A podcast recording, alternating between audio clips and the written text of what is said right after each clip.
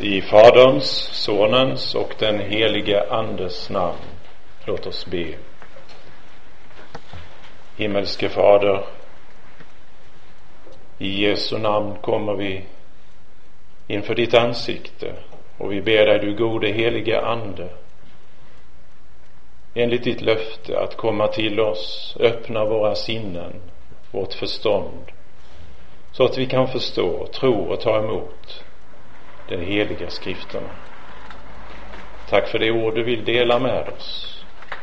Låt det bli oss alla till frälsning och ditt namn och Gud till pris och ära.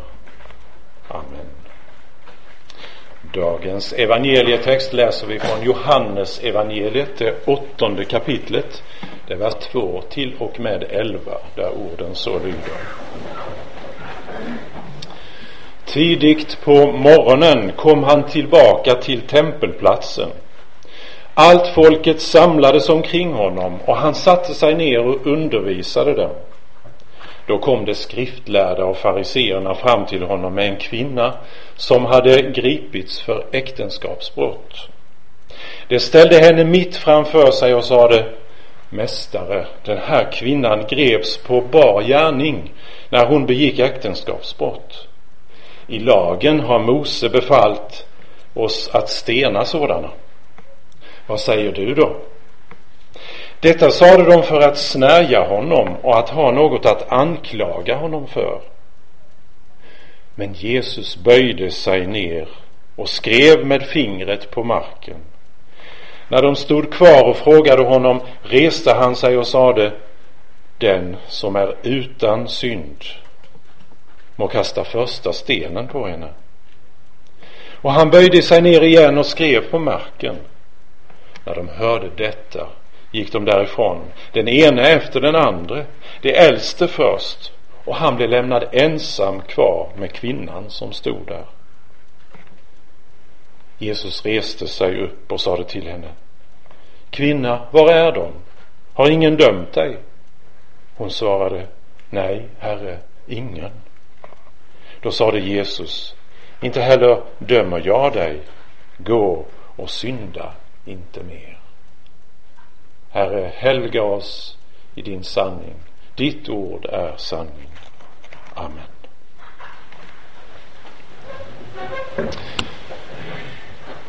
Temat för predikan kan vi hämta från ett ord som kommer strax efter den text vi har läst. Där säger Jesus på följande sätt. Ni dömer på människors vis. Jag dömer ingen. Dere dömer slik människor gör, men jag dömer ingen. För drygt en vecka sedan så publicerades en opinionsundersökning i Sverige. Frågan hade ställts till ett tusentals svenskar hur det, man förhåller sig beträffande försäljningen av importerad alkohol. Det var både min, män och kvinnor i åldern 18 till 79 år. Och det visade att mer än hälften inte hade några som helst problem att hantera dessa illegala handlingar. Och i undersökningen så framkom det också en del andra fenomen. Ytterligare spörsmål hade ställts. 53 procent av svenskarna i undersökningen visade, påpekade, tyckte att otrohet, det är det mest omoraliska av ett antal givna alternativ. Därefter kommer detta att sjukskriva sig, psykmälde sig, utan att vara sjuk. Och för det tredje så var det också ett stort fel att backa på en annan bil utan att man har meddelat ägaren. Det är märkliga ting man kan göra opinionsundersökningar om. Dagens text handlar om otrohet. Det har vi hört, det har vi förstått. Och vår samtid, det förstår vi också av opinionsundersökningarna, är inte obekant med denna frågeställning. Men Jesus säger, ni dömer på människors vis. Ja, det är typiskt. Måttstocken för liv och lära det utarbetas i vår tid, i vår demokratiska tid, av oss människor. Det är demokratins väsen. Men frågan är, vad människors värderingar och kompasser är. Vilken riktning har vi i livet? Är det den fallna människans måttstock som gäller, ja då kan resultatet bli i stort sett hur godtyckligt som helst. Då kan det som är gott kallas ont och det som är ont kallas gott. Och i Bibelns ljus så är inte detta acceptabelt. Det finns en Gud som har talat. Han som till sitt väsen är helig, rättfärdig. Profeten Jesaja talar om detta i sin samtid och det passar också in i vår situation. Ve dem, säger han, som kallar det onda gott och det goda ont. Som gör mörker till ljus och ljus till mörker. Som gör bittert till sött och sött till bittert. Är det inte sådana rokader som ständigt pågår i vår tid? Guds program som är präglat av godhet, insikt, förstånd, ljus, sötma. Och så har vi den fallna människans dagordning med ondska, mörker och bitterhet. För sju år sedan, jag tror det var 2005, så publicerades en, en publikation i, i Svenska kyrkan som presenterades i det som kallas för kyrkomötet och skulle behandlas där. Och rubriken för dokumentet, och nu är detta i ett kyrkligt sammanhang, lägg märke till det. Det är liksom signifikativt för vår tid. Rubriken var Demokratin är en successiv uppenbarelse. Guds givna goda värderingar byts ut till den fallna människans. Vi vet det ofödda livets situation. Från liv till död. Gudgivna ordningar för ämbete, familj leder till oordning och kaos. Och evangeliets kännetecken som är syndernas förlåtelse för Jesu Kristi skull byts ut och blir till syndernas tillåtelse. Det är den rockaden som försiggår mitt in i vårt västerländska sam sam samhälle. I vår text som vi har läst så möter Jesus en kvinna som har begått äktenskapsbrott. Och vi möter också hennes motståndare, de som anklagar henne. Och enligt Mose lag så var utgången given. Hon skulle stenas. Och något som också hennes anklagare förordnade med all kraft. Samtidigt var denna anklagande patrullen ute för att pröva och snärja Jesus. Och så uppstår ett scenarium där Jesus bedriver själavård i ett dubbelt avseende. De som anklagar kvinnan får samvetsbetänkligheter genom att Jesus tecknar och ritar något i sanden. Vi får inte exakt veta vad det är och ska nog inte spekulera i det heller. Och Jesus ställer den ransakande frågan till dem. Den som är utan synd får börja med att kasta första stenen. Vad sker? En efter en beger de sig iväg. De som anklagat kvinnan. Ett avslöjat samvete dömer. Och så väljer man att avstå från sin bekännelse, lämna Jesus. Det utmynnar i otro, vantro. Och så står kvinnan ensam kvar inför Jesus. Avslöjad, utlämnad. Och så förmedlar Jesus absolution med orden Inte heller jag dömer dig. Gå och synda inte mer. Och i tron på Jesus så får kvinnan gå vidare i ett nytt liv. Den överraskande utgång i detta scenarium. Den skyldige går fri medan de som åberopade sin frihet går bort med bundna samveten. Det är dubbel själavård som sker i texten. Och nu är det ju så att denna text adresseras också till oss här idag, till dig och till mig. Här beskrivs två fenomen.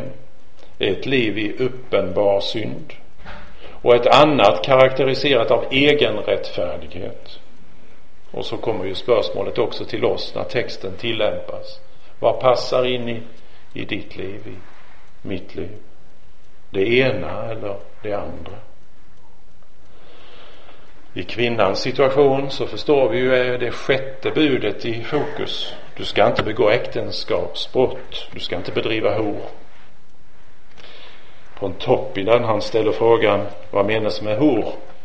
Och han svarar envär könslig omgång utanför äktenskapet all syndig tillfredsställelse av könsdriften förakt för äktenskapet lyster som förer bort från äktefällen och all annan urenhet i tankar, ord, miner och gärningar både i och utanför äktenskapet.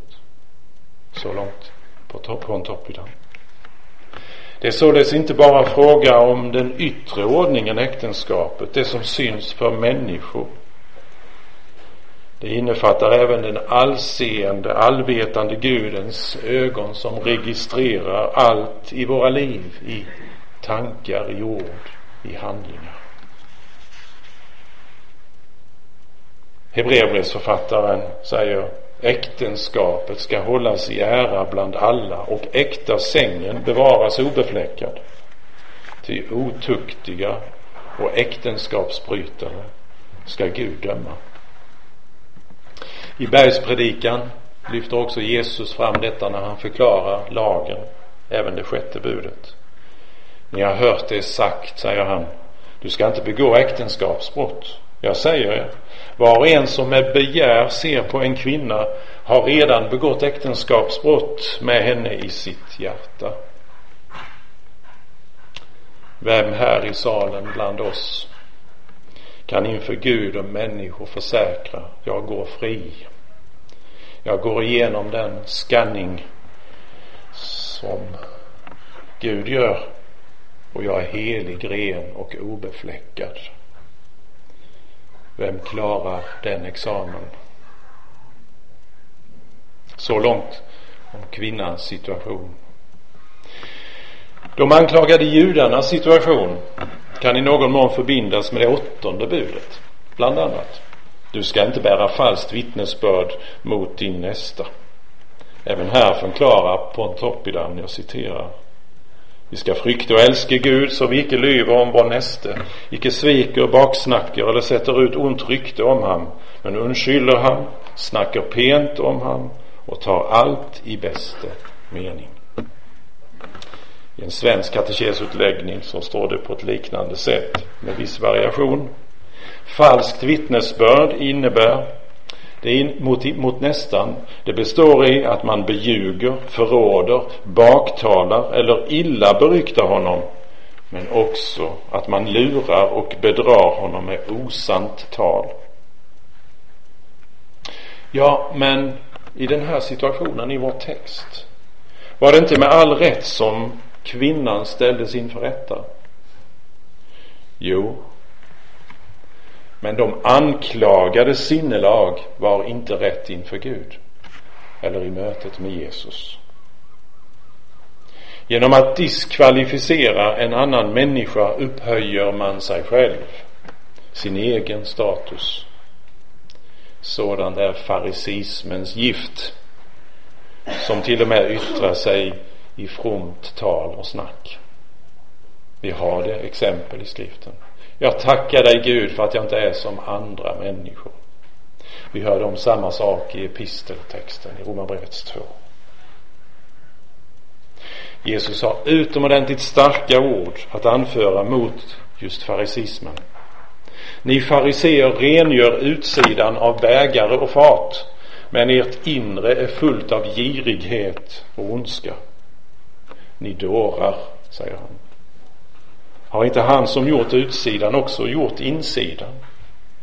Ge därför ert inre som gåva så blir allting rent för er. Och han fortsätter. Ve er, ni laglärda. Ni lägger på människorna bördor som är svåra att bära. Men själva rör ni inte ett finger för att lätta dem. Och ytterligare fortsätter han. Ve er, ni laglärda.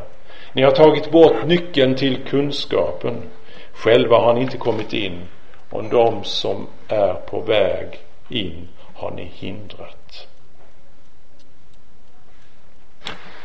I scenariet Jesus och kvinnan och gruppen av laglärda så ser vi olika själstillstånd hanteras. Och så kommer frågan igen till oss. Vad passar in på dig, på mig? Det ena eller det andra? Tänk om det till och med kan vara ett både och. I texten beskrivs en samvetsväckelse när det gäller kvinnan. Vi får inte så mycket detaljer från hennes sida. För hennes sak är redan blottlagd, avgjord. Hon kommer inte ens till orda. Förmodligen har hon upplevt detta som också Hebreerbrevets, Hebreerbrevets författaren talar om att inget är skapat är dolt för honom utan allt ligger naket och öppet inför hans ögon. Och inför honom måste vi stå till svars. Så hade förmodligen kvinnan det. Hon väntade bara på att domen skulle verkställas. Men för de skriftlärda och fariseerna så var det annorlunda. De hade ju rätten på sin sida. Och så bedriver Jesus själavård i det fördolda. Talar till deras samveten, de laglärda fariseerna. Han böjer sig ner, han skriver något i sanden. Vi får inte veta vad. Och så kommer utmaningen. Den som är utan synd får kasta första stenen. Skrivningen i sanden upprepas, vi vet inte vad. Berörda av Jesus, Jesu tilltal och agerande så går de ut, den ena efter den andra. Och det är allvarligt att gå bort från Jesus. Ni dömer på människors vis, jag dömer ingen, säger Jesus. Och i förlängningen av textens budskap så kan vi också säga, jag är den som upprättar. Sådan är Jesus. Det får vi nämligen erfara i Jesu hantering av kvinnan. Jesus reser sig upp och säger, kvinna var är de? Har ingen dömt dig? Och nu kommer kvinnan till tals för första gången. Och hon säger bara, nej, Herre, ingen. Och så kommer de upprättande orden från frälsarens mun till denna synderska. Inte heller jag dömer dig. Gå och synda inte mer. Visst är konklusionen av scenariet mycket märkligt. En överraskande utgång. Den skyldige går fri. Medan de som åberopade sin frihet går bort med bundna samveten. Två själstillstånd beskrivs. Vad passar in på dig? Vad passar in på mig? Det ena eller det andra. Tänk om det kan vara både och. Den avgörande frågan för oss, kära vänner, för såväl det ena som det andra själstillståndet, det är vad gör vi i mötet med Gud och vad gör vi med våra synder i tankar, i ord och i gärningar? Hur hanterar vi det fenomenet?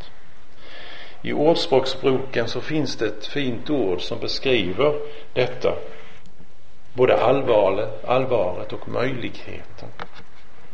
Den som döljer sina överträdelser går det inte väl. Men den som bekänner och överger dem får barmhärtighet. Ordspråksboken 28, vers 13. Men så kommer ju ändå spörsmålet med tanke på denna kvinna som hade förgått sig så djupt, som var så ovärdig. Hur i all sin dag kunde Jesus frikänna henne? Är det bara sådär utan vidare med några enkla ord? Vi vet det i Bibelns ljus och vi behöver påminna varandra om det igen. Svaret har vi i Jesu Kristi försoning. Han sann Gud som blev sann människa som kom till oss. Inte för att döma världen utan för att världen skulle bli frälst genom honom. Han som älskade det fallna mänskligheten så högt. Denna usla kvinna och dessa laglärda och fariseer i sin egen rättfärdighet. Att, ja Gud sparade inte sin egen son utan utgav honom för oss alla i en blodig död på Golgata.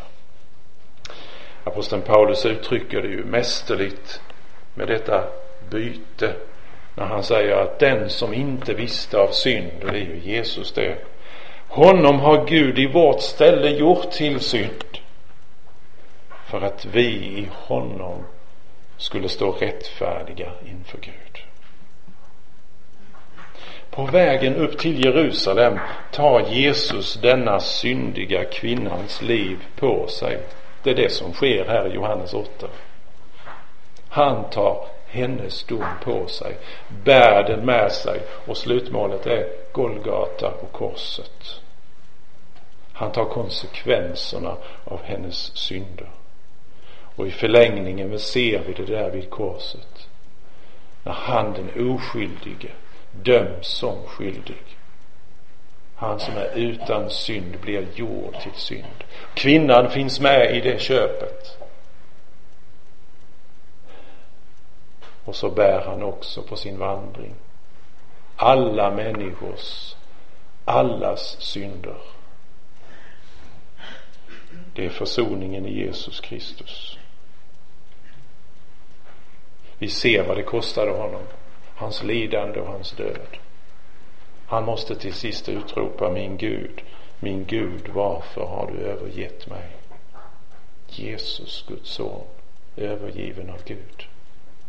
Vem kan fatta det? Men tillbaks till kvinnan. Hur kunde hon bli frikänd? Ja, det är i kraft av Jesu försoning. Och vi kan använda Romarbrevets formulering som passar in här tycker jag. Det är det fjärde kapitlet. Där säger aposteln när han utlägger rättfärdiggörelsen genom tron. Och han säger att den som utan att bygga på gärningar tror på honom som förklarar den ogudaktige rättfärdig. Honom räknas hans tro till rättfärdighet. Det var det som skedde med denna kvinna. Fullständigt förkastad, förlorad, men i Kristus upprättad som ogudaktig förklaras hon rättfärdig. Inte i sig själv, men i Kristus som har utgett sig själv för henne.